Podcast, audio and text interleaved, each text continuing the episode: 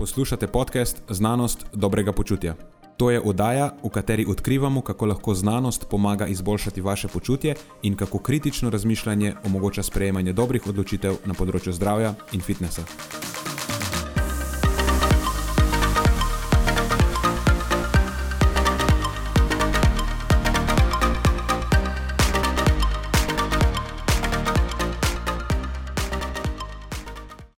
Pozdravljeni, z vami sva Nenad in moj sovoditelj Matjaš.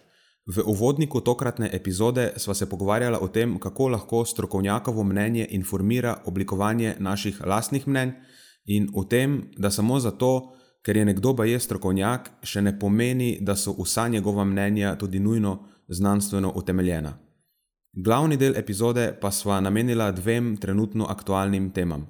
Najprej človeški mikrobioti in predvsem specifičnim vplivom fizične aktivnosti na njo, ter pomenu, ki ga ima interakcija mikrobiote in fizične aktivnosti na naše zdravje in športno zmogljivost. Potem pa lahko slišite še, kako postenje vpliva na pridobivanje in ohranjanje mišične mase. Preden začnemo, pa se moram zahvaliti še našim sponzorjem. Zaenkrat to še vedno ni velika korporacija, temveč zvesti poslušalci, ki nam izkazujete zaupanje in podporo s prijavo v našo člansko skupino Znanost dobrega počutja. Hvala vsem, ki s tem držite luči prižgane in omogočate podkastu, da raste ter postaja še bolj kakovosten. Hvala tudi vsem ostalim, ki nas podpirate z visokimi ocenami in pozitivnimi komentarji, ter tako, da priporočate podcast svojim znancem in prijateljem. Zdaj pa je končno čas za začetek epizode. Uživajte ob poslušanju.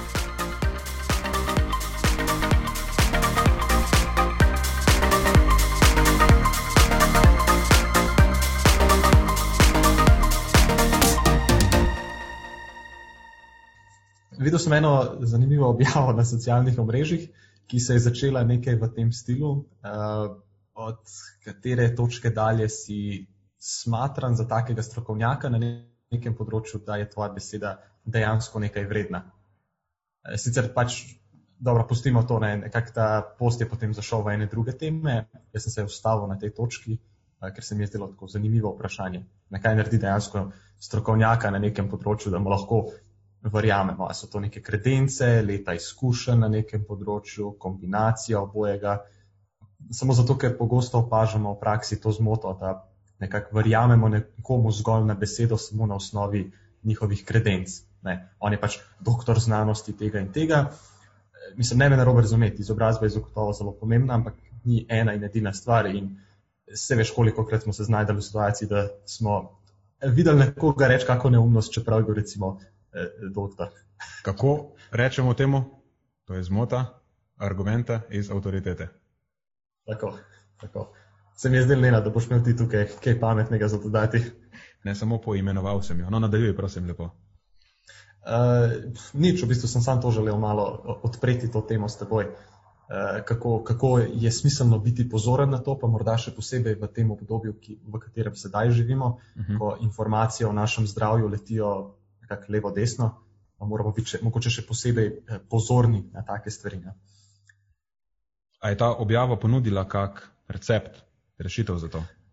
Pravzaprav ta objava se je potem ukvarjala z nečem eh, popolnoma drugim, eh, tako da mogoče ni ravno naj, mhm. najboljši primer le tega, samo začela se je v tem stilu, jaz sem potem s svojim razmišljanjem pa zašel v druge vode. A si ti podal, a si ti našel kako rešitev? Jaz imam svojo rešitev, ampak ne povem, preden ti meni ne poveš svoje. Mislim, nekatere, so, nekatere stvari so teh, v katerih se smo se že pogovarjali na tem podkastu, ali pa smo vsaj nekatere izmed teh elementov že omenjali na tem podkastu, uh, da greš eh, s kritično glavo razmišljati v take situacije in da se izogibaš nekim ekstremnim uh, enoličnim odgovorom. Uh, Imam pa mogoče malo uh, dvoma v svoje znanje v nekaterih točkah, ko pač se gre za kako temo, kjer seveda jaz nisem ravno najbolj vešč. Se pogosto pogovarjamo o prehrani in vadbi, in tle hitro lahko najdem tega usiljivca v igri. Dočim, če se pogovarjamo o kakšni drugi znanosti, tukaj sem pa jaz bos. Uh mhm. -huh. Moj zaključek bi bil zelo podoben. Prva je ta, da res ne vem veliko o tem v bistvu dejansko, zdaj zato tudi nisva se ukvarjala s tem še na tem podkastu. Ker mi, mislim, da ima, imava oba občutek, da noben od najo zares ne ve, kaj točno se dogaja. Pa če damo roko na srce, mislim, da res nobeden drug tudi ne ve točno, kaj se dogaja. So samo neki strokovnjaki, ki lahko bolj ali manj učeno ugibajo o tem, kaj se dogaja. Tako da moj nasvet v tej situaciji je ta, da nobenemu ne verjeti.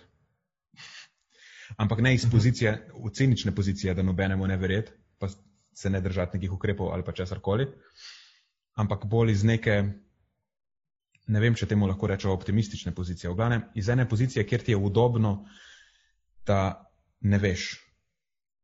Uh mhm. -huh.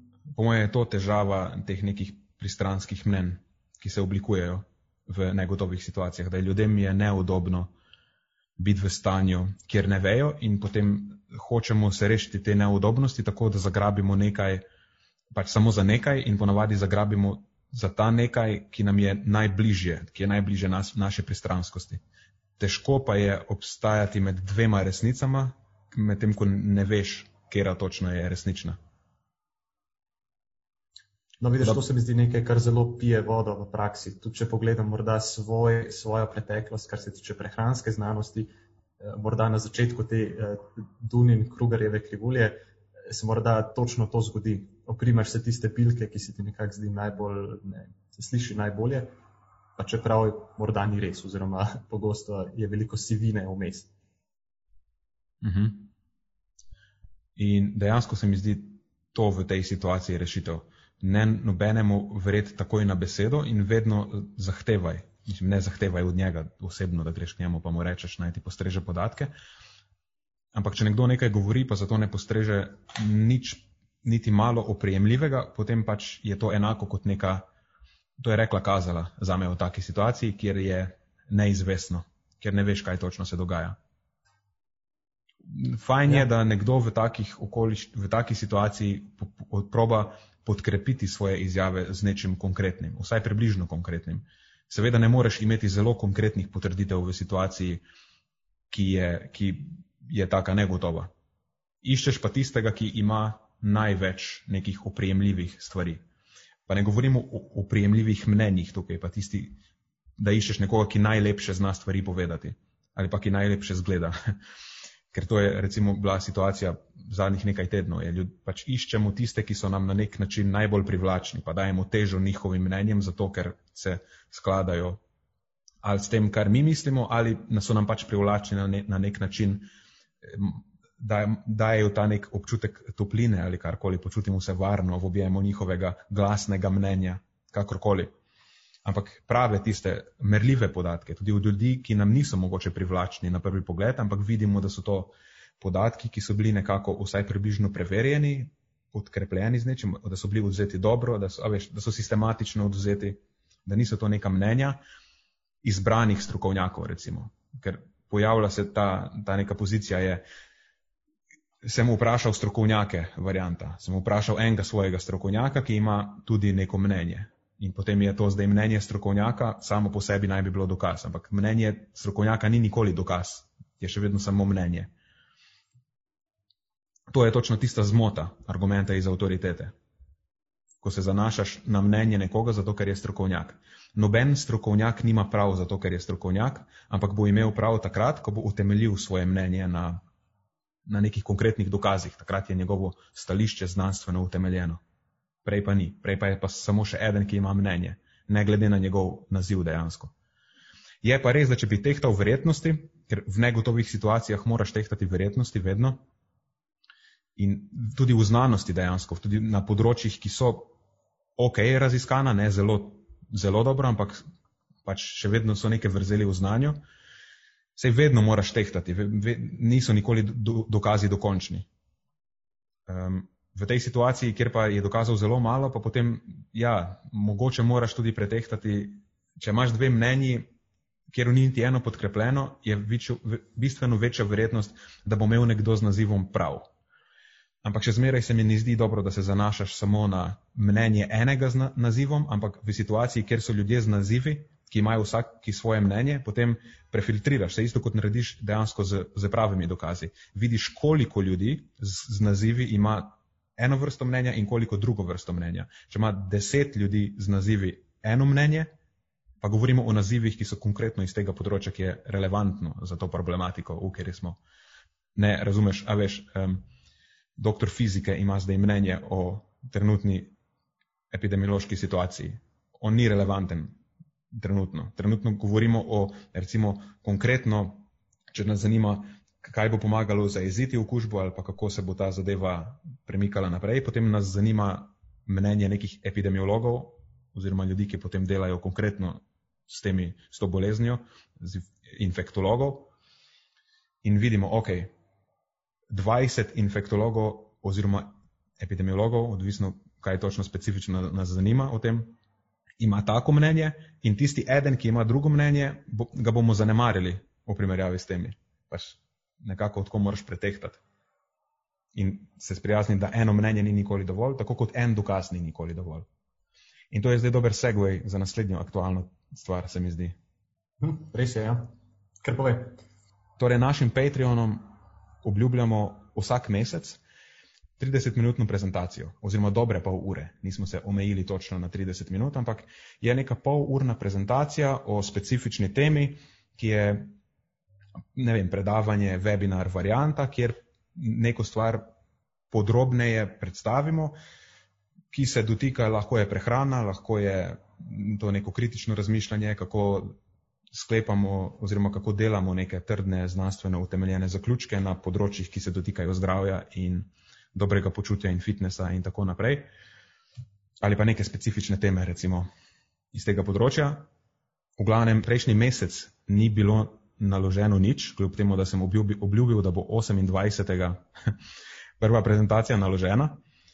Ampak ni bilo zato, ker sem pozabil na to, ampak zato, ker se je zadeva spremenila v bistveno bolj divjo žival, kot sem mislil, da bo, ko sem jo opazoval od daleč. In je na koncu ta prezentacija nastala uro in 40 minut dolga, tako da upam, da sem se oddolžil z dolžino za par dni zamude. V glavnem se, je pa ta prezentacija na advanced level, bova rekla, no, napredni nivo prezentacije je za nekoga, ki ga področje zdravja, dobrega počutja fitnesa, pa vrednotenja znanstvenih podatkov ne zanima, se mu ne bo zdela niti približno zanimiva. Naslov je pa, naslov prezentacije je, zakaj je prehrana težka prezentacija se ukvarja s točno to problematiko, zakaj kljub temu enkrat, ko že se strinjamo, da so znanstveni dokazi tisti, ki so edina vredna valuta na področju prehrane, ne, na podlagi katerih lahko pridemo do nekih točnih zaključkov, pa da je ta evidence-based oziroma z izsledki oziroma z dokazi utemeljen pristop prehrani najboljši, ne najboljši zato, ker je najlažji, ampak zato, ker je najbolj točen, da tudi potem je težko ugotoviti, kaj je res in kaj ni res. Na podoben način, kot si ti postavil prej vprašanje, kako zveš, a ima nekdo prav ali nima prav. Uh mhm. -huh. Ker dosti krat vidiš kak članek o prehrani, pa prebereš članek in je podkrepljen kao z 30 različnimi strokovnimi viri za relativno kratek članek. Pa si misliš, wow, to je pa samo hud članek, razumeš, 30 citiranih virov ima v treh odstavkih. Ali pa še huje, morda zgrabiš celo knjigo, ki ima par sto takih virov. Evo, točno to, ne? kako zdaj vemo, kdaj je nekaj pseudoznanost, kdaj se nekaj izdaja za znanost in kdaj je nekaj dejansko znanstveno utemeljeno. To je dejansko, s tem se ukvarja celotna tista prezentacija. Se ne vem, kako se mi je lahko sploh zdelo, da bo to v pol ure šlo noter. To je pa samo moj večen optimizem najbrž. In gremo čist čez, čez vse specifike na prehranskem področju, relativno podrobno, ampak same te osnovni principi pa so enako uporabni na vseh drugih področjih, ki so tako malo bolj mehka kot neke trdne, surove discipline znanosti. Recimo, zdravje je vedno težko preučevati. V glavnem, na, na nekem področju, ki se ukvarja z zdravjem, širše javnosti, populacije, ki daje javno zdravstvene nasvete, kjer imaš en vidik zdravja samo, ki se dogaja v kontekstu še drugih dejavnikov, kot recimo prehrana. Tam imaš dejansko potem področje, kjer nimaš vseh podatkov in moraš sklepati in zapolnjevati te vrzeli v znanju in ekstrapolirati iz nekih eh, raziskav, ki jih imaš na voljo in tako je. Predvsej je miselno naporno, miselno naporno delo je eno. In potrebuješ nekaj teh takih urodij, kognitivnih urodij, mogoče lahko temu rečeva. Moraš tako. vedeti, kako dejansko ta proces funkcionira, pri, kaj pomeni dokaz, kaj pomeni dokazano, kaj pomeni znanstveno utemeljeno, mm, kako dejansko v prehrani je ta hierarhija dokazov, ki je pomembna, ki je ni pomembna, da randomizirane, kontrolirane raziskave v prehrani niso bog in batina, ampak so lahko tudi sredstvo za zavajanje, da recimo prehrana ni zdravilo, da je nekaj čist drugega, pa da se jo mora tudi raziskovati drugače, kot se, razisku, da, kot se raziskuje medicinske intervencije. Tako da vse to je v tej prezentaciji predstavljeno in čist ta prezentacija je na voljo našim Patreonom. To je. Te prezentacije so dejansko tisto, če se kdo sprašuje, kaj, kaj dobite kot podporniki tega podcasta. Ne, ne samo to, da pač hvala, ne dobite samo ta hvala v začetku, v začetku podcasta, ampak dejansko nekako postanete del neke skupnosti, ki potem enkrat na mesec producira tudi neko vsebino, oziroma če nam ne uspe enkrat na mesec, potem drug mesec dobite dve uri dolgo skoraj. No, pa ne pozabi, da imamo seveda tudi skupino na Facebooku, kjer mm. uh, člani Patreona seveda dobijo prioriteto pred vsemi ostalimi, kar se tiče kakšnih vprašanj, debat in podobnih stvari. Mogoče še ena prednost. Definitivno, tam potem lepiva tudi stvari noter, ne vem kaj, čistko behind the scenes content je, ne vem, recimo raziskave, ki bodo naslednji teden v podcastu predstavljene, neke aktualnosti probava lepiti, malo tako probava zbuditi nek pogovor, neko nek, debato. Nek, nek pogovor, neko debato, kak teden je bolj mirno, kak teden je bolj divje. Odvisno, odvisno kaj se dogaja. Čisto odvisno, kaj se dogaja, tako. tako. tako je. Super. Torej, to bo neke vrste no, šnel kurs in mogoče napačna izbira besed. Ne, dejansko. Govarjamo uri 40. Je, dejansko. Ne, šnel kurs je super beseda. Glih prej, ko sem hodil po stopnicah gor, uh, mislim, ne vem, zakaj omenjam specifično situacijo, ampak tu sem povezal spomin s tem. Sem točno razmišljal, kako bi poimenoval to prezentacijo lahko še drugače ali pa recimo v predstavitvi. Bi jo poimenoval točno tako. To je nek šnel kurs kritičnega sklepanja v prehrani. Evo. Odlično. Ena zelo taka življenjsko uporabna veščina.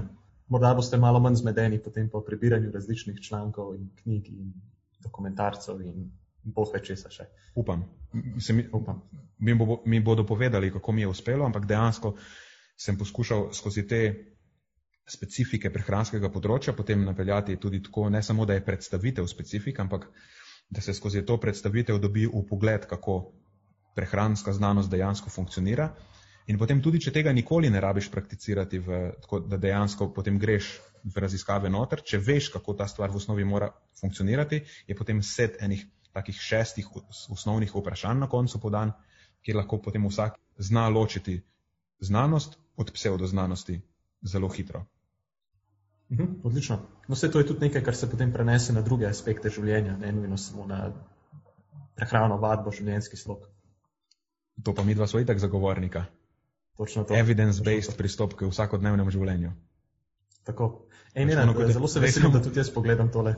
Ja, ej, mi boš povedal, kako je. Ampak hotel sem to povedati, da, da evidence-based pristop k življenju. Danes, ko sem šel domov iz pisarne, mi eden odzame mi prednost na, na, pač na križišču, razumeš? In čutim uno, da se bom ujezil. Pa kako, a, a si slep varianta, veš? A me nisi videl? Da je pogledal levo desno. In povedal tisto, samo spomniš se, okay, kakšne imaš ti zdaj dejansko dokaze, da on tebe ni videl. Veš, lahko je bil zaposlen, lahko, veš, lahko je gledal v drugo smer, pa zato. Ali niti namerno to naredil. Nimaš nobenih dokazov, da ti je namerno izsilo prednost. In nimaš zakaj biti jezen. Jaz mislim, da si ti prvi in edini človek, ki je doživel tak miselni proces v zgodovini, koga je nekdo izsilil na cesti. ne, verjamem, ne verjamem, da sem edini. Je pa res tudi drugo, da potem, če malo vse še človeške note uporabiš, pa si misliš, hej, a se tebi ni no, nikoli zgodilo, A veš, da si ti komu prekrižal pot na cesti. Ja, ja. to je res. Najboljša kombinacija. Evidence-based in pozdravi. Zelo smo kritični do drugih. Ne? Tako je. Ja. Odlično. A, že, a se počutiš že kaj ugreto? Nenad, jaz sem ogret in pripravljen slišati, s čim si se ti ukvarjal pretekli teden, katera raziskava ti je padla v oči. Ukvarjal sem se z črvesno mikrobioto, športnikov specifično. Kar pove, da si se zagrebil za to temo. Zagrebil sem se za to temo, po mojem, takoj, ko je članek je bil še topel, ko sem napisal v čet Matjažu, to je Dibs, to je moje. Sveže. Temu, da je športna tema, uprosti, to je moje. Veš kaj, eh, po prebiranju vseh tistih imen sem rekel, lej, Nenad, you can have it, kar izvoli, jaz se ne bom ukvarjal eh, z norimi imeni različnih sevov bakterij, tako da kar ti prepuščam. Drugače, to je, mislil sem na začetku, da gre za position stand, ampak ni specificiran kot position stand te organizacije. Drugače, ISSN je International Society for Sports Nutrition, ali imam prav? Mhm, Oni izdajajo te position stande v raznih, te, v raznih temah, ki se dotikajo športne prehrane, bolj ali manj. Imamo o kreatinu, o kofeinu, o časovni razporeditvi hranjenja, o, belje, rekel, beljakovinah, beta-alaninu. O vseh teh stvarih nekako oni kot organizacija, ena izmed vodilnih organizacij na področju športne prehrane, potem skupaj par avtorjev zberejo težo dokazov, grejo čez pomembnejše objavljene članke, na, raziskave na tem področju in kot organizacija izdajo nek position statement, to je pa recimo naše stališče kot te organizacije o tej temi. In so precej kompletne zadeve vedno te stvari. In pred kratkim so izdali prav za probiotike, zato se mi je zdelo, da so mogoče zdaj nadgradili zadevo še z prav z nekimi ostalimi dejavniki oziroma position statementom o vseh ostalih dejavnikih, ki pa nekako lahko vplivajo na bolj konkretno na samo sestavo pa funkcijo črvesne mikrobiote. Mm -hmm. Ampak gre pač za pregleden članek, ki je precej obsežen, tako da kljub temu, da ni prav position statement, mislim, da ničesar dejansko ne spremeni, ker je še obsežnejši se mi zdi od določenih position statementov. Dejansko so se spraševali, kako se s fizično aktivnostjo povezana mikrobiota razlikuje od tiste, ki je povezana s sedečim načinom življenja. In potem drugo vprašanje, kako fizična aktivnost vpliva na črvesno mikrobioto. To sta na, prvi, na prvo poslušanje, sta mogoče zelo podobni vprašanji, ampak niti nista. Eno govorimo o nekih povezavah, drugo govorimo pa o direktnih vplivih. Sploh pri mikrobioti je to zelo pomembna razlika. Ker vemo, da so določeni, nekoč so temu rekli enterotipi, to je zdaj že malo zastarela, zastarelo poimenovanje oziroma določanje sestave. Ja, zastarel termin. Ja, star termin je.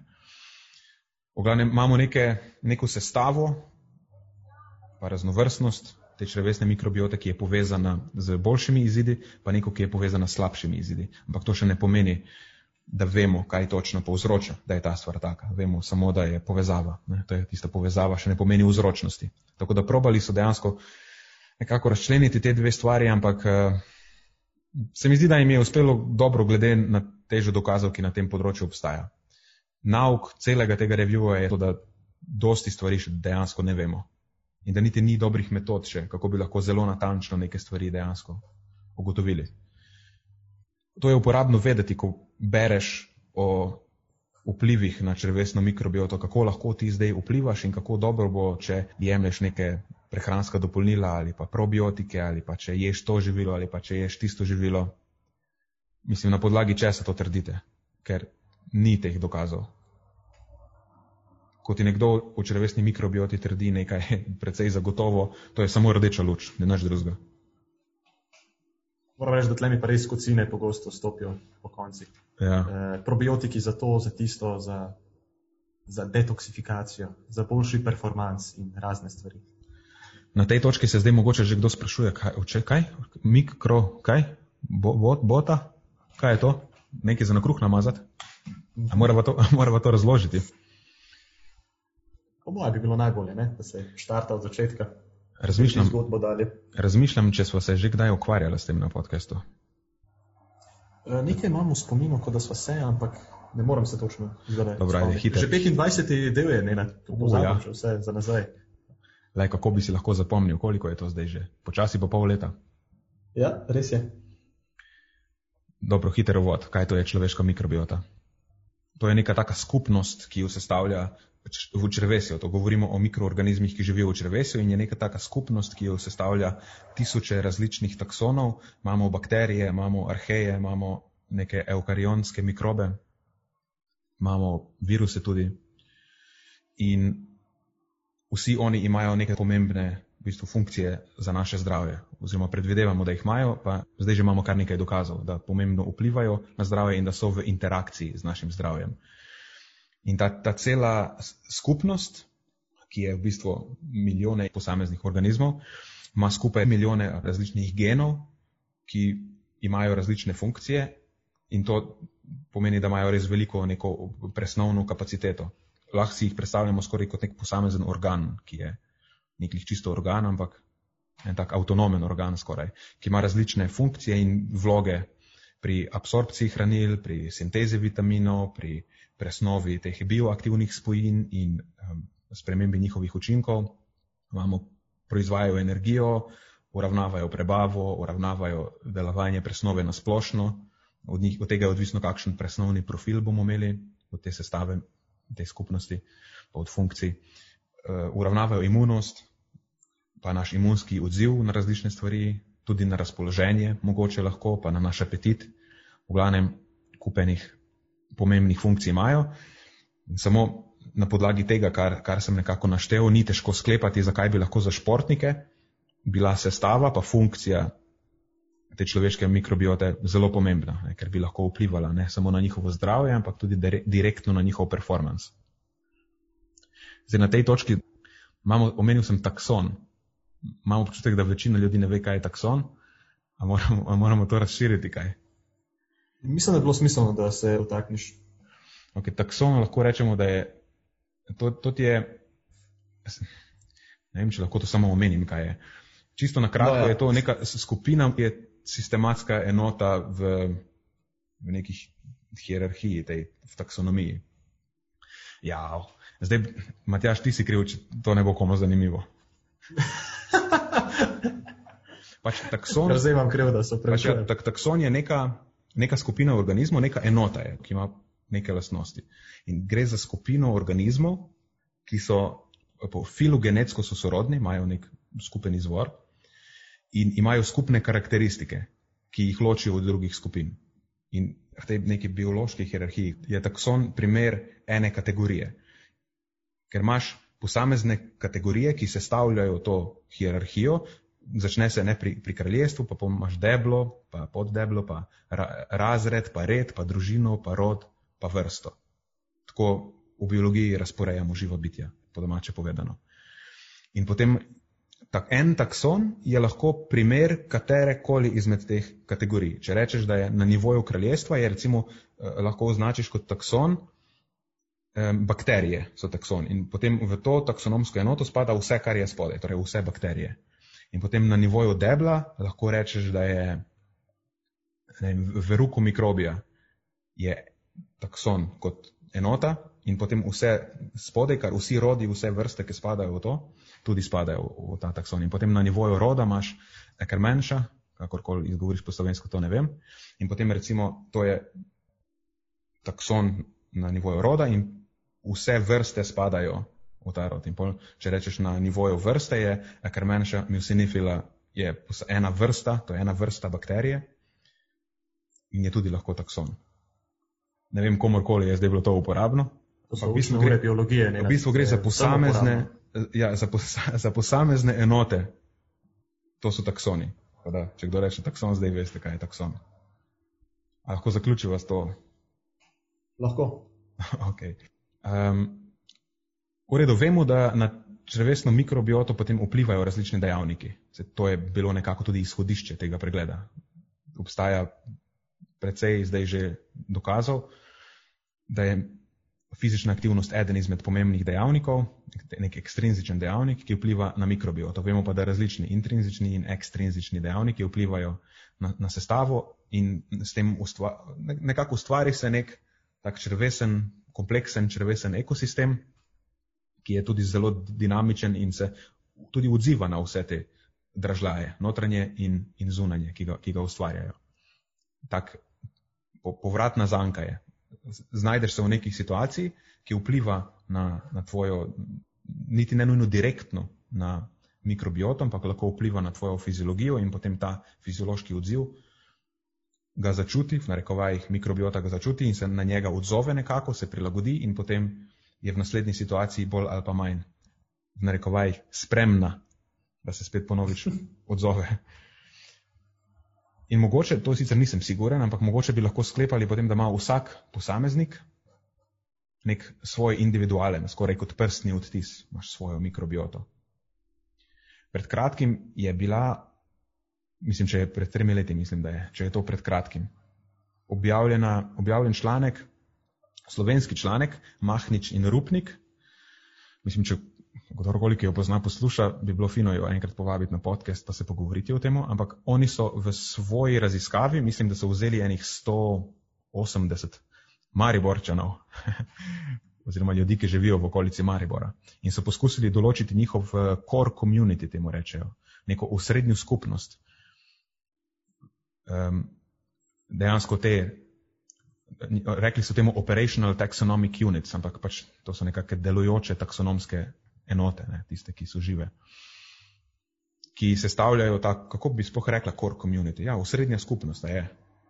Tako, mislim, da si odlično to prevedel. Definirali so jo kot tiste taksonomske enote, ki imajo relativno prisotnost nad, nad nič cela ena odstotka v vzorcu, in so potem pri, prisotni v 95 odstotkih vseh testiranih vzorcev.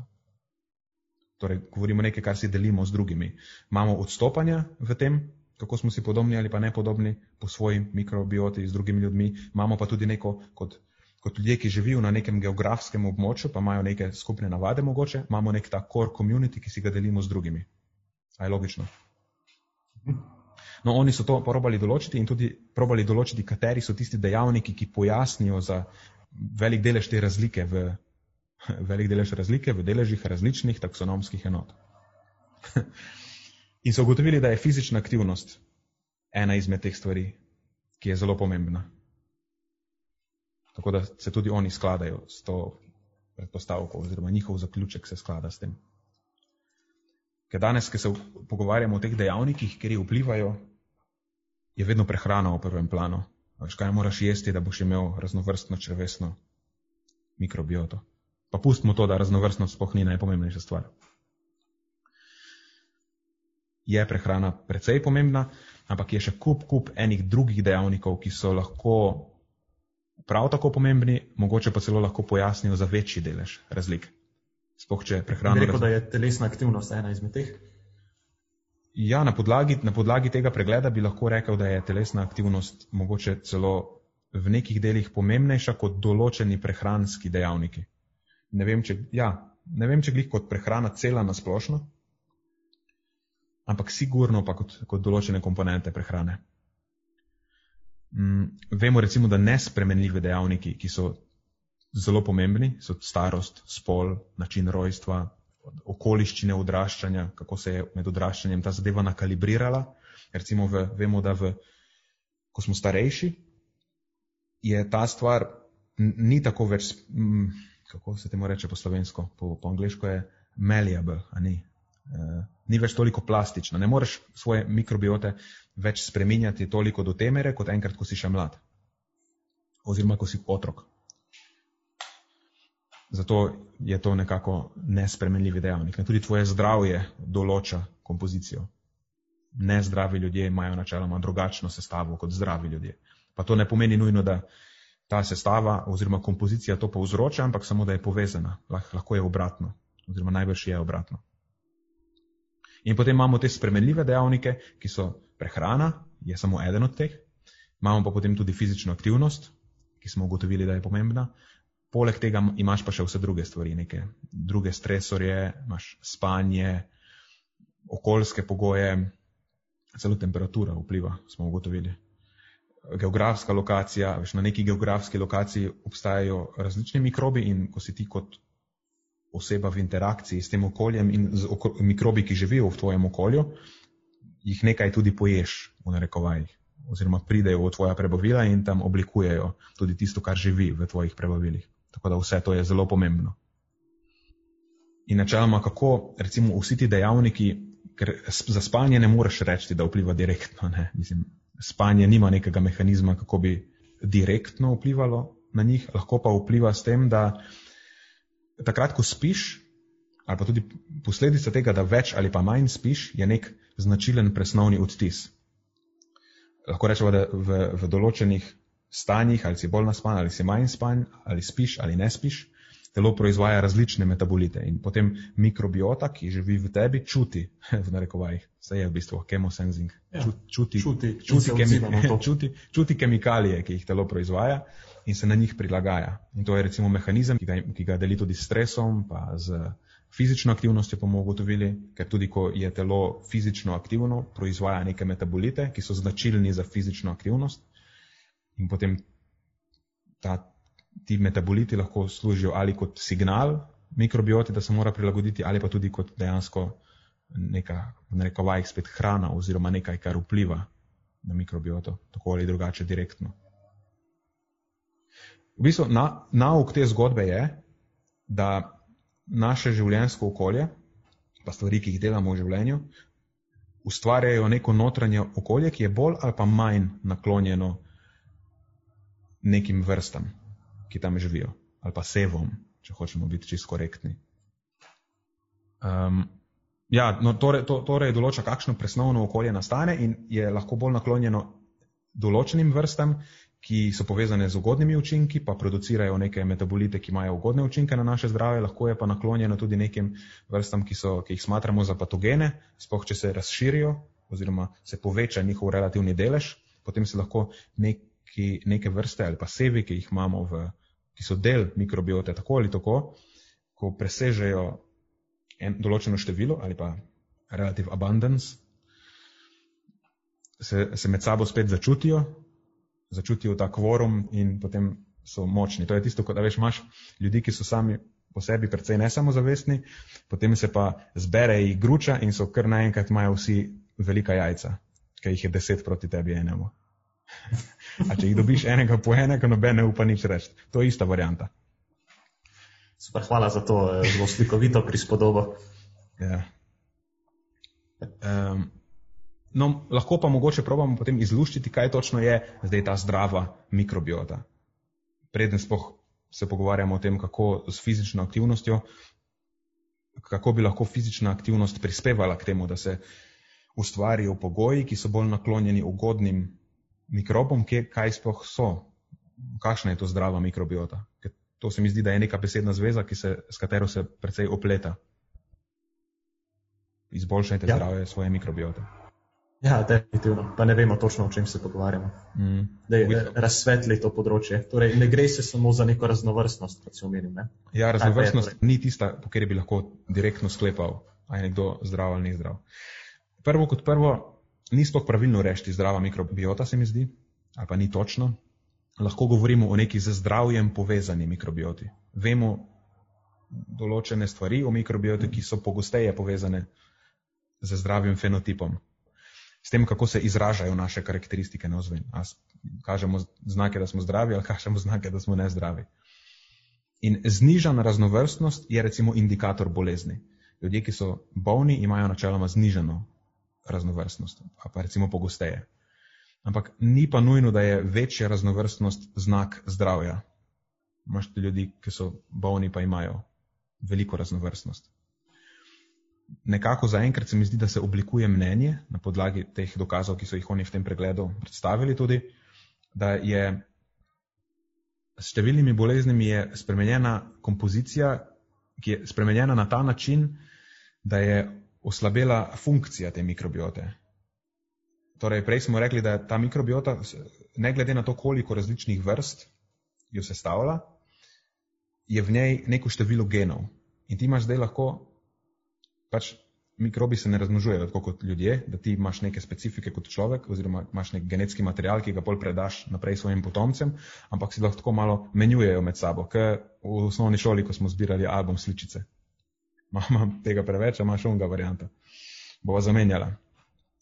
Mislim, karikirano, ne glede čisto tako, ampak veste poanto. Ne rabim imeti svojega potomca, da lahko menjam genetski material z njim. Bakterije to znajo.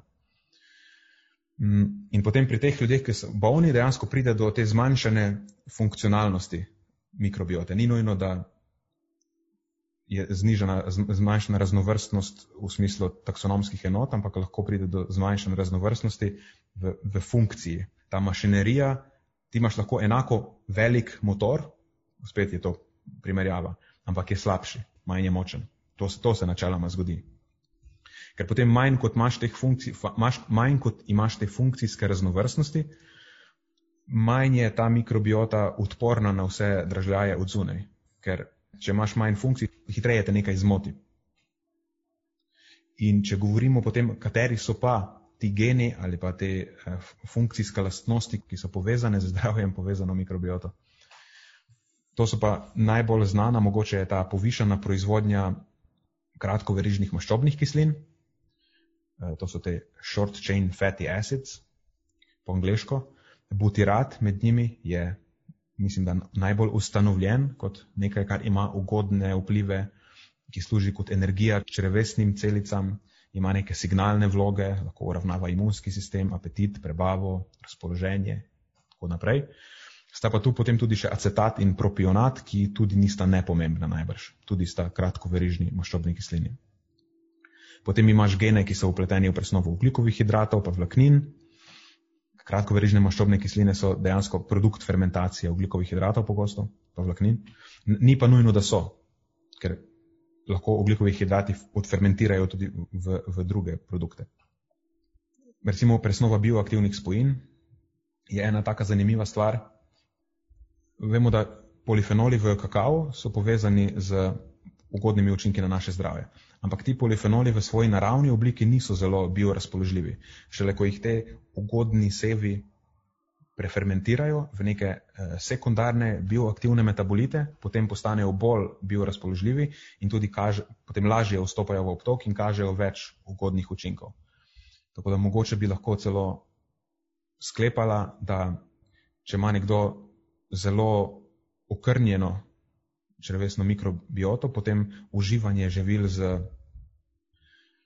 polifenoli na kratek rok ne bo imelo tako ugodnega učinka na njegovo zdravje. Je pa res, da na dolgi rok potem lahko s tem, da dovaja substrat, ki so te bioaktivne spojine, tudi izboljša raznovrstnost oziroma izboljša funkcijsko raznovrstnost.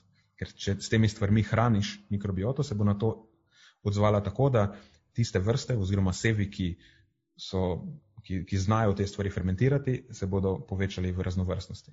Torej, to je ta dvostranska povezava prehrane in črevesne mikrobiote.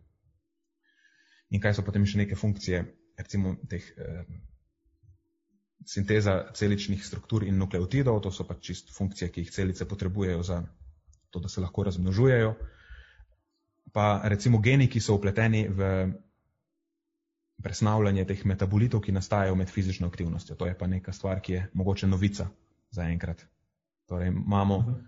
vrste, ki so povezane s presnavljanjem ja, raznih metabolitov, ki so produkt fizične aktivnosti. Se lahko mogoče razširim kasneje, ko se bova bolj specifično dotaknila uh, performansa. Na podlagi vsega tega rečenega, mogoče tudi lahko sklepava, kako ta mikrobiota potem lahko prispeva k performansu, lahko bi izboljšala sposobnost regeneracije, pa ukrevanja po naporni aktivnosti.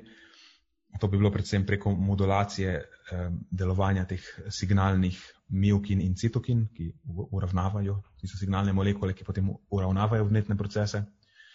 Lahko bi prišlo do zmanjšanja tveganja za okužbo, ker pač bolj funkcijsko raznovrstna mikrobiota se lažje bori pred različnimi patogeni, ki poskušajo udreti v ta ekosistem lahko bi uravnavala stresni odziv preko produkcije raznih signalnih molekul, ki potem modulirajo dejavnosti hipotalamično, hipofizno nadledvične osi, preko katere poteka ta stresni odziv. In pa lahko bi dejansko prišlo do izboljšanja ali pa okrepitve nekih presnovnih poti, ki so upletene v, v samo zmogljivost. To je spoh ena zanimiva raziskava bila pred kratkim. V glavnem, to so vse hipoteze zaenkrat. Nič od tega ni zelo opremljivo.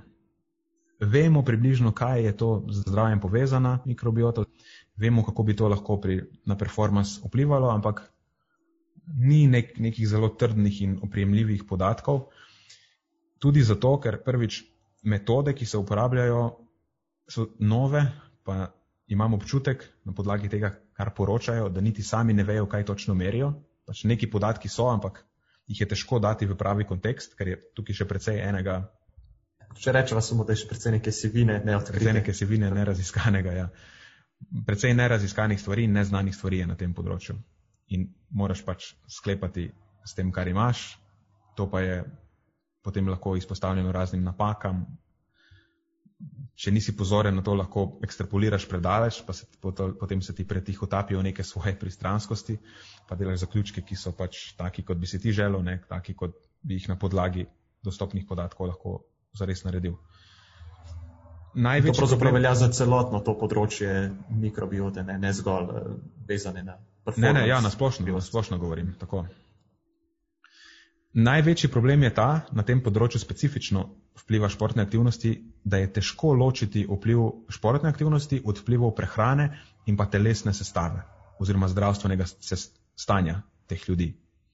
Ker ne moreš, dejansko ne moreš, spoh če preverjaš športnike ali pa tudi ljudi, ki imajo neko visoko stopnjo fizične aktivnosti, to je neločljivo povezano z neko telesno sestavo ponavadi. Ok, sej imaš ekstreme, razumeš, ki ne pazijo na svojo prehrano, pa so potem imajo neugodno telesno sestavo, kljub temu, da so zelo športno aktivni, ampak načeloma populacija, ki je zelo športno aktivna, pazi na svojo prehrano in ima ugodno telesno sestavo.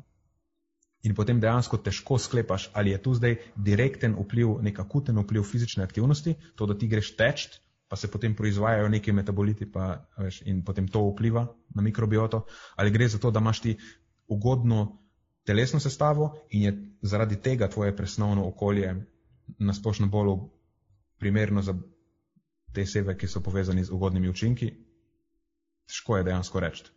Ja, morda bi morali izolirati tako športno populacijo, ki je, ne vem, se pogovarjamo o kakih športnikih s podarjeno komponento vem, moči, eh, ki imajo morda indeks telesne mase krepko preko 25, govorimo o kakih metalcih, eh, težkih dvigovalcih, oteži, strongmenih in podobno. Mogoče bi bili oni idealna populacija za to. Tudi, tudi res. Je pa potem vprašanje, kar si omenil, različne komponente. Različni športi imajo eh, bolj poudarjene, recimo bolj poudarjeno komponento moči ali pa imajo bolj poudarjeno komponento vzdržljivosti. In nekako ni smiselno pričakovati, da se bodo in pri enem in v drugem ustvarili isti. Ja, tudi to je res. Ja. Pogoji.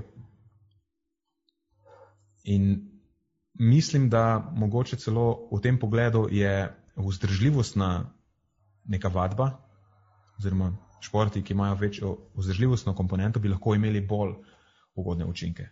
Oziroma zaenkrat res podatki, ki jih imamo na športnikih in kažejo pozitivne ali pa ugodne učinke na mikrobioto, so skoraj, skoraj izključno. Lahko mislim, da je nekaj raziskav na bodybuilderjih, ampak niso bili ok rezultati. Um, zato, ker so bili bodybuilderji vključeni v tisto raziskavo, vsi na nekih high-fat dietah, ki imajo pač ne, neugoden učinek same po sebi že, kar je ful čudno. Ne vem, kakšen vzorec bodybuilderjev so vzeli, ne, neke low carberje so vzeli. Ja, Pri njih so bili rezultati. Alnega džima. Ja, in, in tisti so imeli recimo precej slabe rezultate. Ni taki so bili, zelo heterogeni. Bilo je nekaj ugodnih odzivov in nekaj neugodnih odzivov.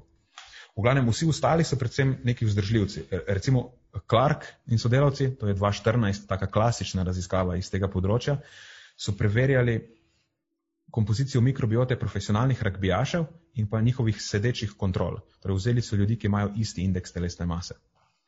In tukaj vidimo, v čem je problem ti sicer lahko kontroliraš za indeks telesne mase, ampak pri njih ne moreš kontrolirati za telesno sestavo. Oni imajo enako kilogramov, samo da ima rugbijaš 20 odstotkov manj maščobnega tkiva.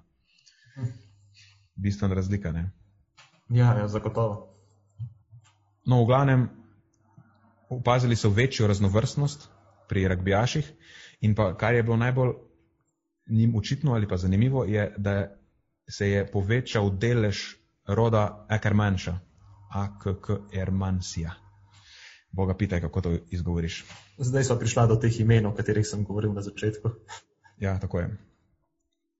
V glavnem, ta Ackermanša je načeloma neka stvar, ki si je želimo več v, v predstavnosti naše skupnosti mikro, mikrobov v črvesju. Načeloma je povezana z en kup pozitivnimi učinki, lahko rečemo tako, da ima nasplošno je povezana z boljšim presnovnim profilom in nekimi takimi protivnetnimi učinki. Sklepa zakaj? Sklepa se zato, ker živi v tej sluz, sluznati plasti, to je mucus layer po angliško, mukuzna plast, na površini črevesnih celic in naj bi uravnavala izločanje najprej te eh, sluznate plasti, potem ščitila bi preko tega črevesni epitel, pa vzdrževala bi črevesno bariero, torej skrbi za neko, ima vlogo v ohranjanju robustnosti prebavil. Da neke stvari, ki mogoče bi lahko imele škodljive učinke, če bi prehajale to bariero, zadrži na zunanji strani. In um, recimo ta prepustnost črvesja, ki je povezana s kroničnim vnetjem, pogosto zaradi visokomaščobne diete, to je ena stvar, ki je potem tudi povezana s tem. Ta, eh, ta, to vnetje gre preko bakterijskih lipopolisaharidov oziroma te bakterijski lipopolisaharidi, LPS, so ene komponente zunanje membrane gram negativnih bakterij, ko, ko te celice oziroma ko mikroorganizmi gram negativni umrejo, na rekovajih razpadejo, potem ti lipopolisaharidi tam ostanejo zunaj in če začnejo prehajati v obtok, potem sprožijo imunski vnetni odziv. Pri maščobni dieti je to še lažje, ker pač postanejo ti lipopolisaharidi se potem pomešajo s to maščobo, ki je tam notri in to olajša njihov prehod čez membrano. Oglavnem, to je en pomemben mehanizem, za katerega vemo, da prispeva k kroničnemu vnetju, ki ima izvore v črvesju in ta Ackermanša mucinifila, to je vrsta, je povezana s tem, da izboljša delovanje te črvesne barijere in onemogoča prehod temu LPS-u čez tem bakterijskim lipopolisaharidom. To je recimo preko tega je lahko izboljšano ukrevanje sploh ko imaš ti neke pro, profesionalne športnike, ki že tako ali tako so v narekovajih uneti večino časa, potem če jim dodajaš še neko vnetno breme po vrhu, ni za njih idealno in večji delež tega roda bi jih lahko zaščitil pred tem. Je pa zanimivo, da potem Barton in sodelavci štiri leta kasneje so ta isti vzorec profesionalnih rugbijašev preverili, preverili s tehniko tega whole metagenome shotgun sequencing, ko oni temu rečejo, v glavnem To je neka tehnika, s katero dobijo potem globi v pogled, ne v taksonomske enote, ki sestavljajo to skupnost, ampak dobijo dejansko v pogled v ta presnovni potencial. Um, vidijo razlike v produkciji ne, nekih metabolitov, ki niso očitne, če bi primerjali samo taksonomijo. In dejansko na tej metagenomski in metabolomski ravni so bili so bile med rugbijaši in sedečimi ljudmi še večje razlike, kot so jih zaznali samo na podlagi eh, taksonomije. In to nekako nakazuje na, na bolj robustno mašinerijo, ki ima nasplošno več funkcij in ki lahko bolje potem ohranja normalno delovanje ali pa robustnost prebave. So pa poleg tega zaznali še tudi povečanje presnovnih poti, ki so vpletene v sintezo aminokislin, pa antibiotikov, tukaj pač antibiotiki se nanaša na, na tiste produkte, ki jih producirajo v črevesu prisotni mikrobi, da odvrnejo oziroma ali pa se borijo s tem proti nekim patogenom, ki bi lahko mm, invade, pomagaj mi, Matjaš, z besedo. Napadle, tako, ne kot, napadli. Nas ne, tako kot nas eh, ne zemljani. Ja, ni invade, ni, invade ni, ni napadli, ampak je prevzeli, ni prevzeli, zauzeli. Preveč težav imamo tukaj. Ej, kako sovražim to, kot ne morem prevesti angliške besede v slovenščino. Morda moramo še koga prinesti notri v podcast, ki nam bo prevajal vse vsebine. Nekega anglista. Bi zelo zaželen. Nekega anglista, slavista rabiva. Tako, tako da če se okay, kdo javi, slučajno. Razumeli ste. Da nas ne bi, težje nas patogeni mikroorganizmi napadejo in dobijo svoj del v tej skupnosti, kjer bi lahko potem povzročali težave. In pa potem povečanje presnovnih poti, tudi ki so upletene v presnovo oglikovih hidratov, normalno so bile pri športnikih povečane ali pa izboljšane. Nepresenetljivo. Nepresenetljivo, ja. Mislim, to je lahko tudi posledica njihove prehrane, ne? dejansko ne vemo. Uh mhm. -huh. No, še ena zanimiva stvar, ki pa mogoče bolj govori o tem, kako direktno lahko fizična aktivnost neke stvari spremeni. In ta stvar je pa bila meni res uh, Oziroma, ne, to je v bistvu naslednja stvar, ki sta Šiman in sodelavci. tale, ki jo imam zdaj v mislih, je Estaki in sodelavci iz 2016, je bila samo navadna presečna raziskava, ki je vključila mlade moške in ženske in so jih stratificirali glede na njihov kardiorespiratorni fitness. Torej, vzeli so vzorec in so preverili, koliko je kdo zmogljiv ali pa vzdržljiv. Torej, višji je ta kardiorespiratorni fitness oziroma višja kardiorespiratorna zmogljivost, to pomeni, da ima nekdo boljši, najvišji in pa maksimalni prevzem kisika. Ne? Tako so jih razvrstili na podlagi teh dveh, teh dveh meritev. To je torej VO2 pik pa VO2 max. In više, kot so imeli kardiorespiratorni fitness, višjo so imeli tudi raznovrstnost in višjo so imeli proizvodnjo srednje verižnih maščobnih kislin. Torej, spet načeloma je, so bili pozitivni učinki, so bili povezani z to izboljšano zmogljivostjo oziroma vzdržljivostjo. In pa pri njih recimo so tudi identificirali en tak core, mm, core set, so v bistvu oni temu rekli, eh, core set funkcijskih oziroma s funkcijami povezanih genov ne taksonomskih enot, ampak prav genov.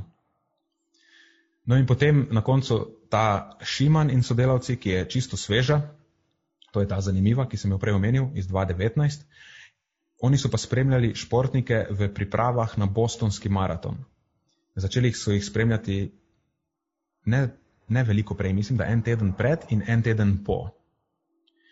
In kar so ugotovili je to, da je bila najbolj izrazita sprememba pri njih v enem rodu, ki se mu reče Vejlonela. In zakaj je to zanimivo? Zato, ker je vloga tega roda predvsem v, torej ima, ima funkcijo, da lahko metabolizira laktat v srednje verižne maščobne kisline, v acetat in propionat. In to je zelo zanimivo zato, ker v kontekstu fizične aktivnosti potem lahko dejansko tisti laktat, ki nastaja, se pretvarja v srednje verižne maščobne kisline, ki ponovno vstopijo v obtok, kot vir pa mogoče relativno hitre energije, lahko temu rečemo tako. Vseeno niso to, presnova teh maščob ni enaka kot dolgoverižnih maščobnih kislin. In je neka alternativa, recimo, lahko pomaga temu korijevemu ciklu. Neka alternativna pot presnove laktata se lahko vzpostavi na ta račun, ker ti imaš dejansko laktat prehaja v črevo in potem jo tam, tam ga fermentirajo oziroma ja, ga presnavljajo ti mikrobi in ga potem kot acetat in propionat spuščajo, v narekovajih spuščajo, pač prehaja nazaj v obtok kot vir energije. In pazi to, zanimiva, zanimiva stvar, miši, miši so inokulirali z to uh, vejlonelo atipiko in so gotovili, da so potem imele 13 odstotkov boljši čas do, mm, čas do time to exhaustion. Do utrujenosti, ja. Tako, boljši čas do utrujenosti. Torej, izčrpanosti. Izčrpanosti, tako je, pravimaš. Dlje časa so lahko tekle, predtem so se utrudile. In, in po vadbi so tudi imele znižene te citokine, torej manjšo vnetno breme po vadbi. To se meni zdi zelo fascinantno, ja, da, da imaš ja, dejansko se ti ena prav funkcija, ki je specifična za športno aktivnost, vzpostavi kot del črvesne mikrobiote in ti pomaga presnavljati. Predvidevam pa, da na človeškem modelu še česa podobnega nismo odkrili. Ne, zaenkrat za je samo ta povezava, da ljudje, ki, so, ki se ukvarjajo z, z športi, nekimi, kjer se producira večja količina laktata, da je pri njih večja, večje te vejlonele. Je pa najbrž to tako, da ta vejlonela se itak za energijo veš, zanaša na laktat in če ti tega laktata ne proizvajaš, potem pač bo abundance oziroma prisotnost te velonele opadel. Torej, to je neka stvar, ki je odvisna direktno od fizične aktivnosti. Ne moreš ti jemati nekih probiotikov, če ni hrane. Ja, ja zagotovo, to je pač učinek to stvar. fizične aktivnosti. In na koncu, če povzameš, jaz sem omenil samo par naj, tistih raziskav iz pregleda, ki so se mi res zdele najbolj zanimive tam je omenjeno še kupenih drugih, mislim, lahko bi se o tem cel dan pogovarjala, in, ampak pač moramo biti nekako pragmatični.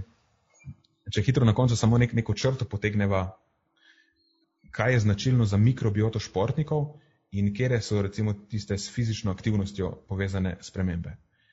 Vemo, da zelo pomemben, pa ključen mogoče, ali pa nekak nek tipičen, je ta, da pride do večje raznovrstnosti, pa ne samo posameznih, ne samo vrst taksonomskih enot, ampak tudi predvsem funkcijske raznovrstnosti. Imamo večje število genov, ki so upleteni v presnovne poti, ki so koristne zdravje ali pa zmogljivosti. Recimo ena izmed teh je poveča se proizvodnja kratkovreženih maščobnih kislin. Druga je potem tudi ta, ki smo jo omenili, da im je potencijalna vloga v presnovi eh, laktata. Še ena zanimiva funkcija je pa ta, da lahko prispevajo k energijskemu vnosu. In to je tudi ena zanimiva lastnost, ki je opazna pri ljudeh, ki sledijo prehrani, ki je energijsko nekako restriktivna, torej uživajo manj energije, kot je dejansko potrebujejo.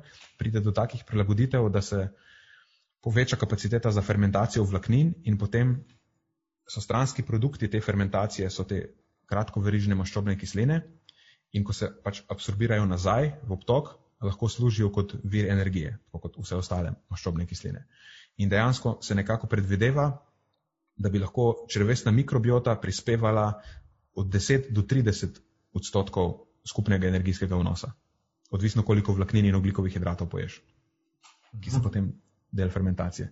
In pazi to. Torej, kar nezanemrljiv delež. Ne? Ja, imaš ljudi, ki rečejo, da, da si predebel, ker te je črvesna mikrobiota naredila predebelega. Ne? Ampak dejansko je skupnost, oziroma ja, rečeva, da je, da je nekako kompozicija, ki je povezana z tem bolj vidkim fenotipom, tista, ki proizvaja več energije iz vlaknin. Torej, če si ti vitek, in športen tip, najbrž imaš črvesno mikrobioto, ki je bolj sposobna izžeti vso energijo iz stvari, ki jih uživaš. Nekako obratno je. Ja, ja. In potem druga stvar, ki so jo, oziroma naslednja stvar, ki so jo tudi že prej omenila, je ta presnova bioaktivnih spojin. Načeloma spet ugodne vrste presnavljajo te stvari v neke sekundarne metabolite, ki so potem bolj razpoložljivi in lahko bolj ugodno učinkujejo in pa lažje vstopajo v obtok. Tako da to so nekako značilnosti z fizično aktivnostjo povezane mikrobiote in to, so, to lahko pričakujemo od tega, da bomo, če smo bolj fizično aktivni, v smislu, kako bo ta fizična aktivnost vplivala na, na kompozicijo na, naše črvesne mikrobiote in posledično na naše zdravje. Tako da lahko bi rekla, da je ta z zdravjem povezana mikrobiota, ker nek eh, navdušenec, športni navdušenec je. No? Hoče živeti v nekom, ki je tako športni tip. Izbira selektivno ljudi, ki so bolj telesno aktivni. Tako, ne mara živeti v enem, ki samo sedi doma. To ni samo zabavno jim. Očitno. Aktivnega gosta potrebuje. Tako. Aktivnega gostitelja. Gostitelja, ja, tako. Sliši to, da te bo. Ampak res, vse so svoje, svoje življenje je to. Mm, aha, mogoče to še moramo omeniti, ali pa je zanimivo omeniti, da s temi ugodnimi spremembami korelirajo predvsem tri stvari, korelirajo najbolj, ki se dotikajo te fizične aktivnosti. Eno je telesna sestava. Kjerkoli so ugotovili te pozitivne učinke, niso uspeli ločiti fizične aktivnosti od same telesne sestave. In potem tudi telesna sestava pojasni velik delež teh razlik. Tam, kjer so merili prav določene komponente neke fizične aktivnosti, je bil kardiorespiratorni fitness oziroma kardiorespiratorna zmogljivost tista, ki je bila najboljši napovedovalec pozitivnih sprememb. In ponekod celo boljši napovedovalec kot spol, starost, sam indeks telesne mase, pa je tudi boljši od nekaterih prehranskih dejavnikov. Tako da to je mogoče ena stvar, ki bi si jo zaenkrat na podlagi tega upal trditi da je, niso vse vrste fizične aktivnosti enako koristne, ampak je predvsem kardio vadba oziroma vadba za vzdržljivost bolj koristna v tem pogledu. Vse to je zanimivo. Ne? Vse različne oblike vadbe nosijo neke različne koristi. Recimo, morda vadba za noč, eh, predvsem v smislu ohranjanja in pridobivanja puste mase, za katero smo se že pogovarjali, kako pomembna je.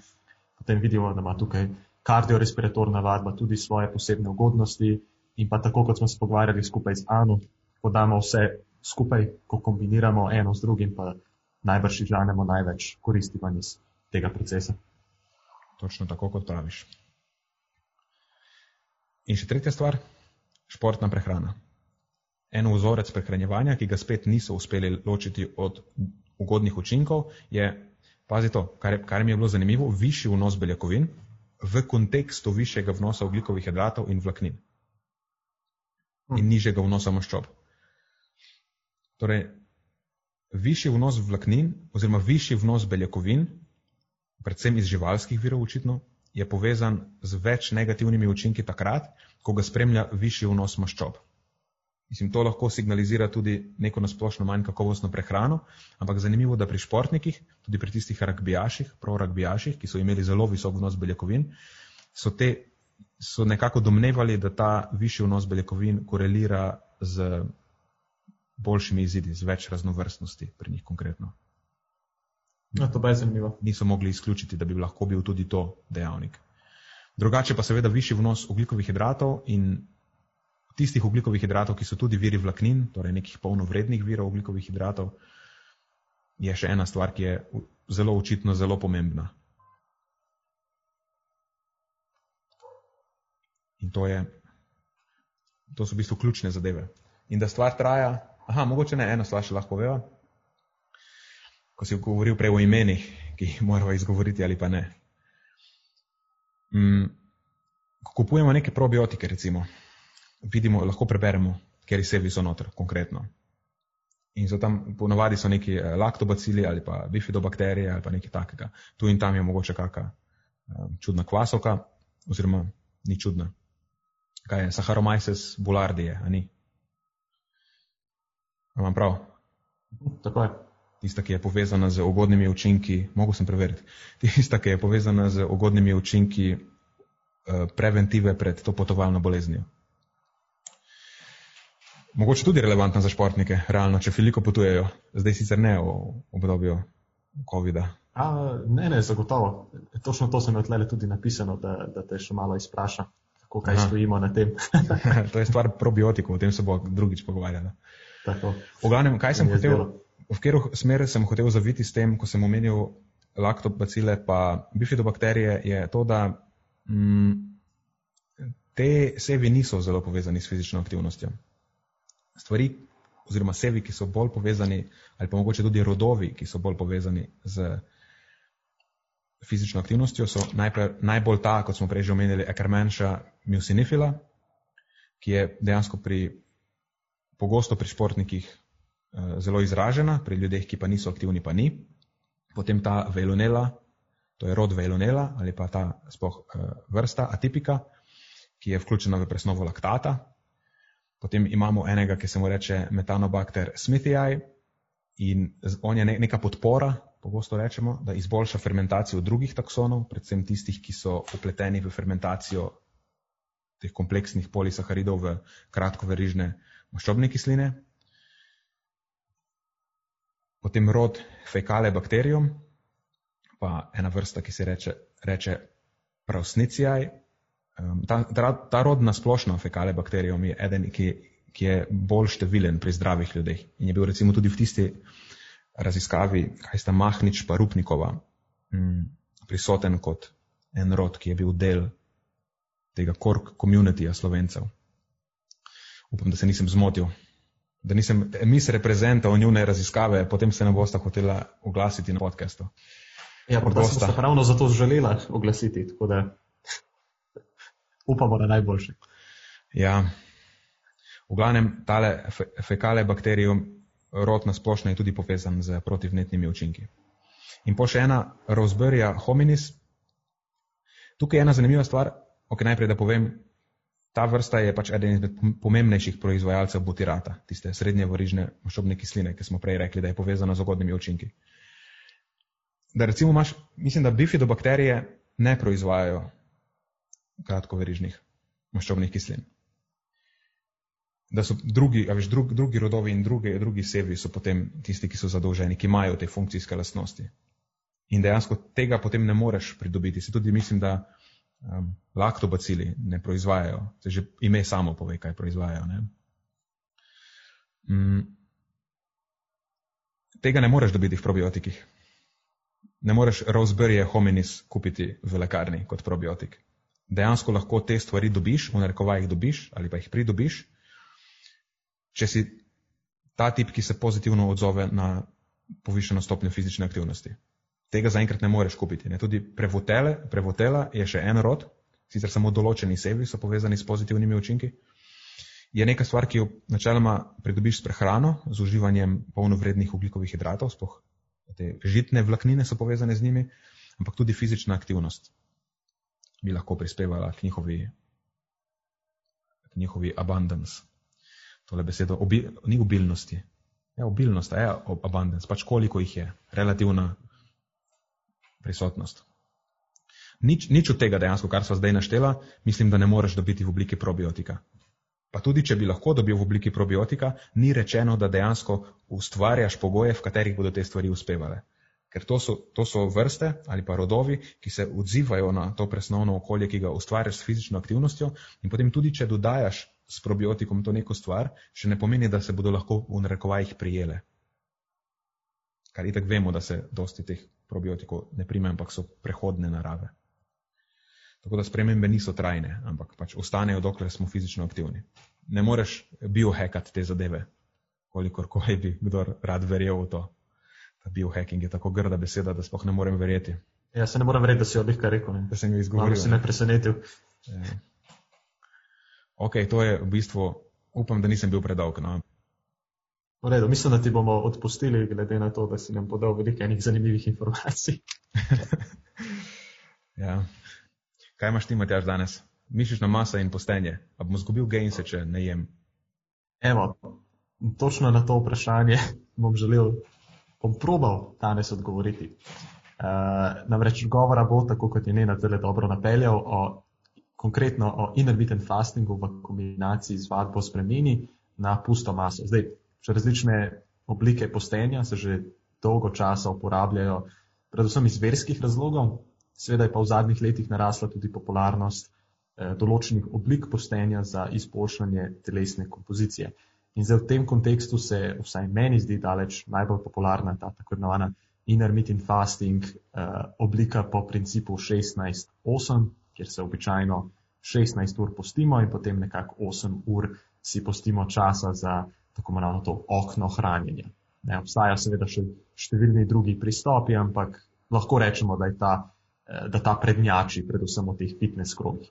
Zato se mi je zdela zanimiva ta raziskava, ker eno izmed pogostejših vprašanj, ki, kjer naletimo uh, v okviru te teme, je točno to, kar je Nenad povedal, ali bom izgubil gence, ali bom izgubil pusto maso, če se dlje časa posti. Uh, zdaj, podrobneje o postenju kot takem in pa predpostavljenih pozitivnih učinkih le tega v kontekstu autofagije, je nekaj, o čemer smo se z Nenadom podrobneje že pogovarjali na tem podkastu. Uh, samo malce niže boste morali iti 13 epizod nazaj, pazi to, Nenad, 13 epizod nazaj na podcast številka 12, kjer je pa Nenad zelo lepo obdelal to temo. Jaz se bom pa danes konkretno fokusiral samo na uh, vidik vpliva takih pristopov v času režima vadbe z bremeni na pusto maso, ker se mi zdi, da je to ponovno nekaj, kar veliko ljudi prakticira. Um, pa ne samo fitness entuzijasti, celo nekateri športniki, ki jih srečam. Da, ja. Skratka, zdaj, um, kar vemo, je pravzaprav, da izguba puste mase kot posledica nekega dalj časa trajočega postenja zagotovo eh, ni ravno najbolj ugodna situacija. Eh, v teh fitness krogih se pogosto zapičimo v samo telesno sestavo oziroma vizualni izgled, ne želimo izgubiti mišične mase, seveda, ampak moramo se zavedati, da to nosi tudi pomembne zdravstvene implikacije. Pusta masa je namreč ključnega pomena za akutno in pa kronično zdravje, za preprečevanje različnih starostjo pogojenih obolenj, ala sarkopenija, izguba kostne mase in tako dalje. Um, raziskava, o kateri pa sem se nameraval danes pogovarjati, pa je pravzaprav, mislim, ni prava raziskava, je pregledni članek oziroma sistematični pregled literature na to temo, ki je vzela v obzir osem raziskav narejenih na tem področju. Ne, pač zgolj osem, toliko jih imamo ta trenutek na razpolago.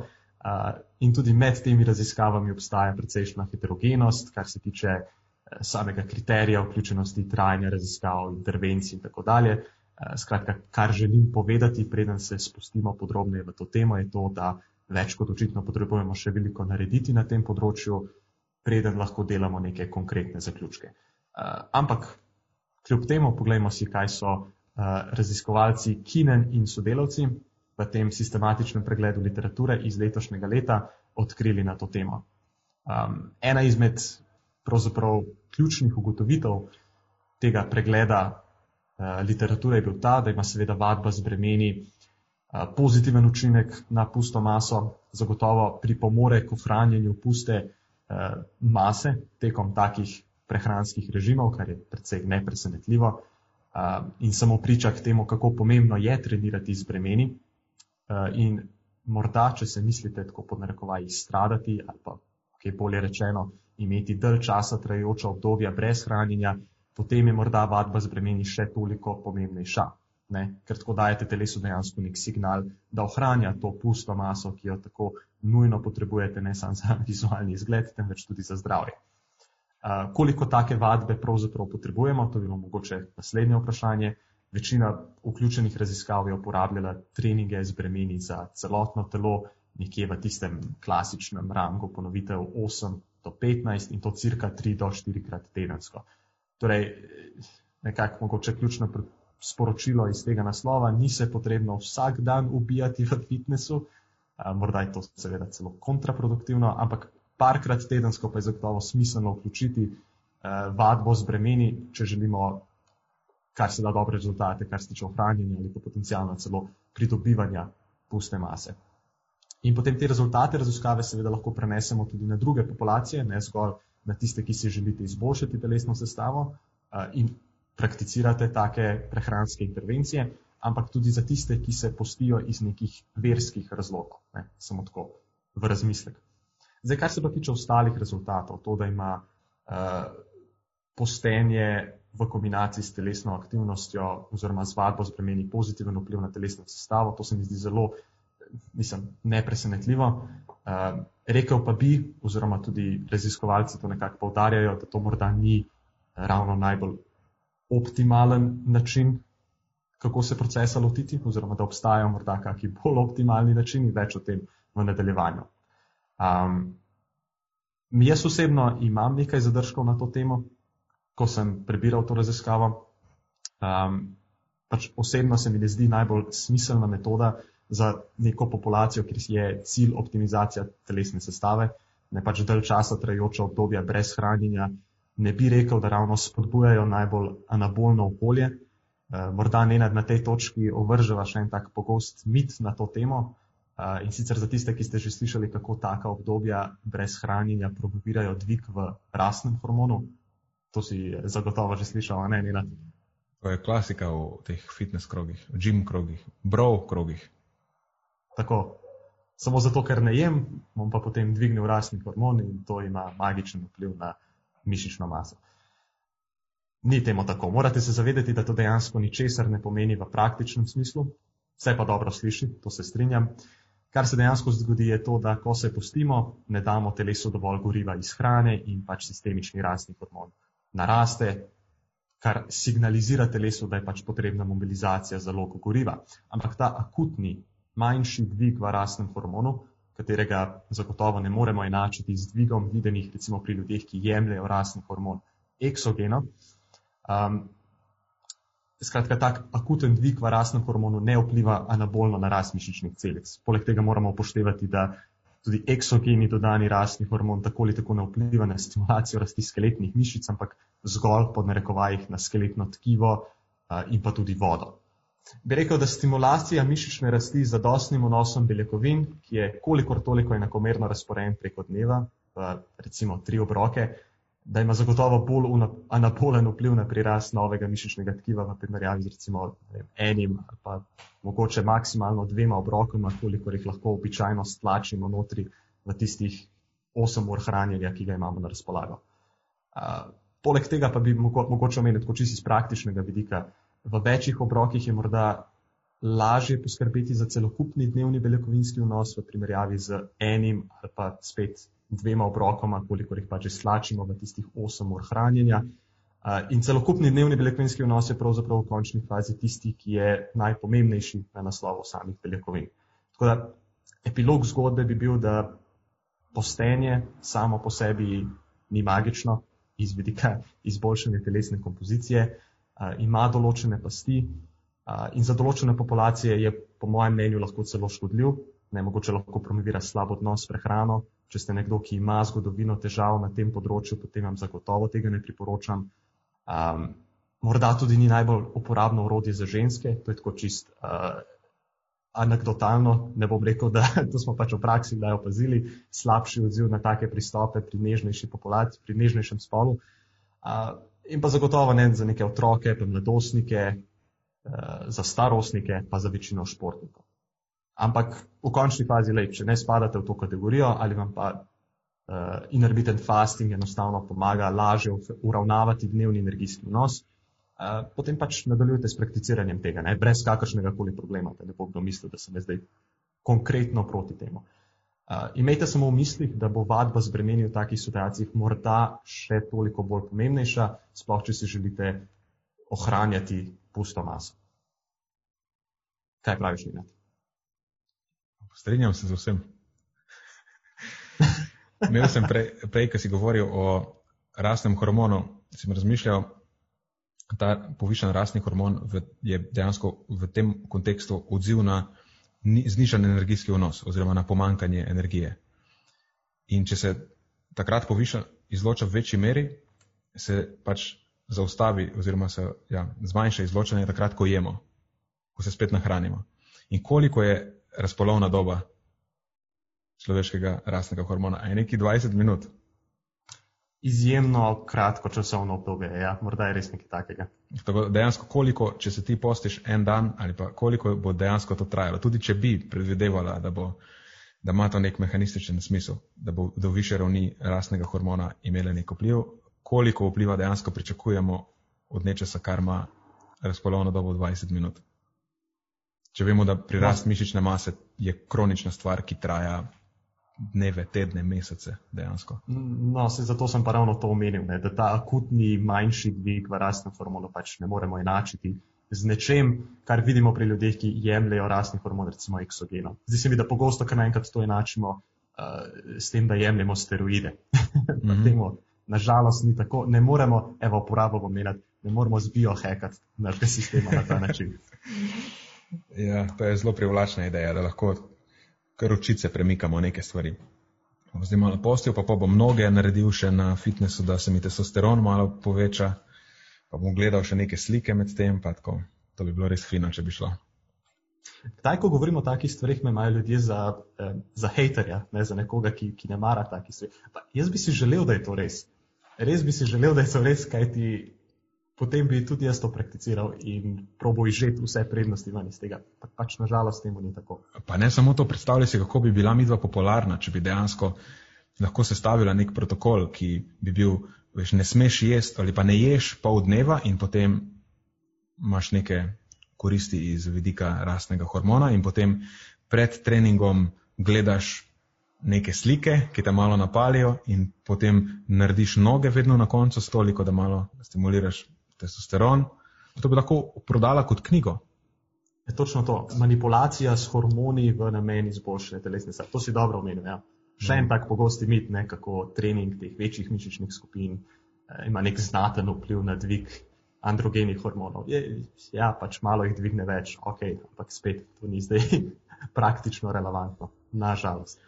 To je mogoče tudi še ena stvar, sicer ni off-topic je, ampak da, da, da nekih, znotraj nekih fizioloških ravni testosterona ni velikih razlik med v količini pridobljene mase skozi neko daljše časovno obdobje med ljudmi, ki imajo eh, normalne ravni, ki so mogoče bodi si malo večje, malo manjše. Ni nujno, če ima nekdo malo više normalne ravni testosterona, da bo pridobil več mišične mase kot nekdo, ki ima normalne, malo nižje. Je še kupenih drugih dejavnikov, ki na to vpliva. Tako da taka poenostavljena slika je pač samo napačna. Uh mhm. -huh. Tako je. Ja. Morda lahko začutimo nek pozitiven vpliv, če gremo čist iz spodnjega dela tega ranga, v malo višji del ranga. Recimo, da imamo nekoga, ki je, ne vem, ima kako kilco odveč, pa morda ne spi ravno najbolje, pa je zelo stresiran, pa potem uh, začne telovaditi, izgubi kakšno kilco, bolje in več spi, pa se mu ravni testosterona na ta račun izboljša. Super, to bo zagotovo malce občutil. Ampak to, to ne, ne moremo nikakor v nobenem svetu enačiti s tem, da bi eksogeno jemali testosteron. to je noč in dan. Tisto so potem že superfiziološki odmerki, to je nekaj, kar pač niti slučajno ne moreš doseči z nekimi prilagoditvami življenjskega sloga. V niti Tako. v najbolj optimistični razlagi, niti blizu. Tako. Ok. A imamo še kaj? Mislim, da smo obdelali najni glavni temi. Okay. A imamo kakšno vprašanje danes? Evo, vidiš, tukaj so pa tokrat, se mi zdi, da pogrnila. Pač ni bilo vprašanja, nimaš kaj. Pač ni bilo vprašanja. Mislim, da glej, realno sva bila tako dolga, da ni potrebno več zastavljati nobenega vprašanja. To bo zihar ura in pol. E, predvidoma. Klasična epizoda. Bolj kot se trudiva strniti to v eno uro, bolj se nama pojavljajo neke teme, kjer pač No, to si zdaj rekel, da je prepuščeno na ključu. Ne, ti si izbral to temo. ne, ne se zdaj izmikati. Točno ja, si vedel, kako ne, ne, je naš, našla. To je zakomplicirano. Nisem jaz njo iskal, ampak me je našla. no, kakorkoli že. Upam, da se je poslušalcem tela za epizoda zanimiva. Mislim, da smo prišli do zaključka.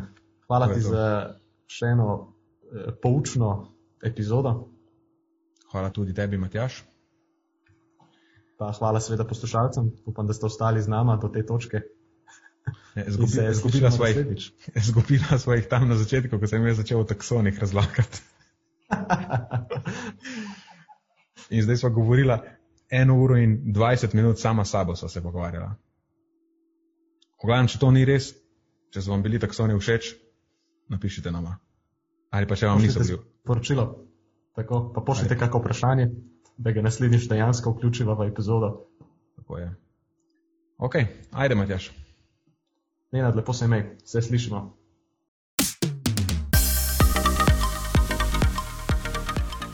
To je za tokrat vse iz naše strani. Hvala, ker ste poslušali do konca. Če mislite, da je bila današnja epizoda pomembna, jo prosim delite s svojimi znanci in prijatelji in jo priporočajte dalje, saj s tem omogočite, da doseže čim večjo množico. Hvala vsem, ki nas podpirate s članarino in tudi vsem ostalim, ki delite podcast dalje in nam izkazujete naklonjenost z visokimi ocenami in pozitivnimi komentarji. Se slišimo prihodnjič, do takrat pa ostanite premišljeni.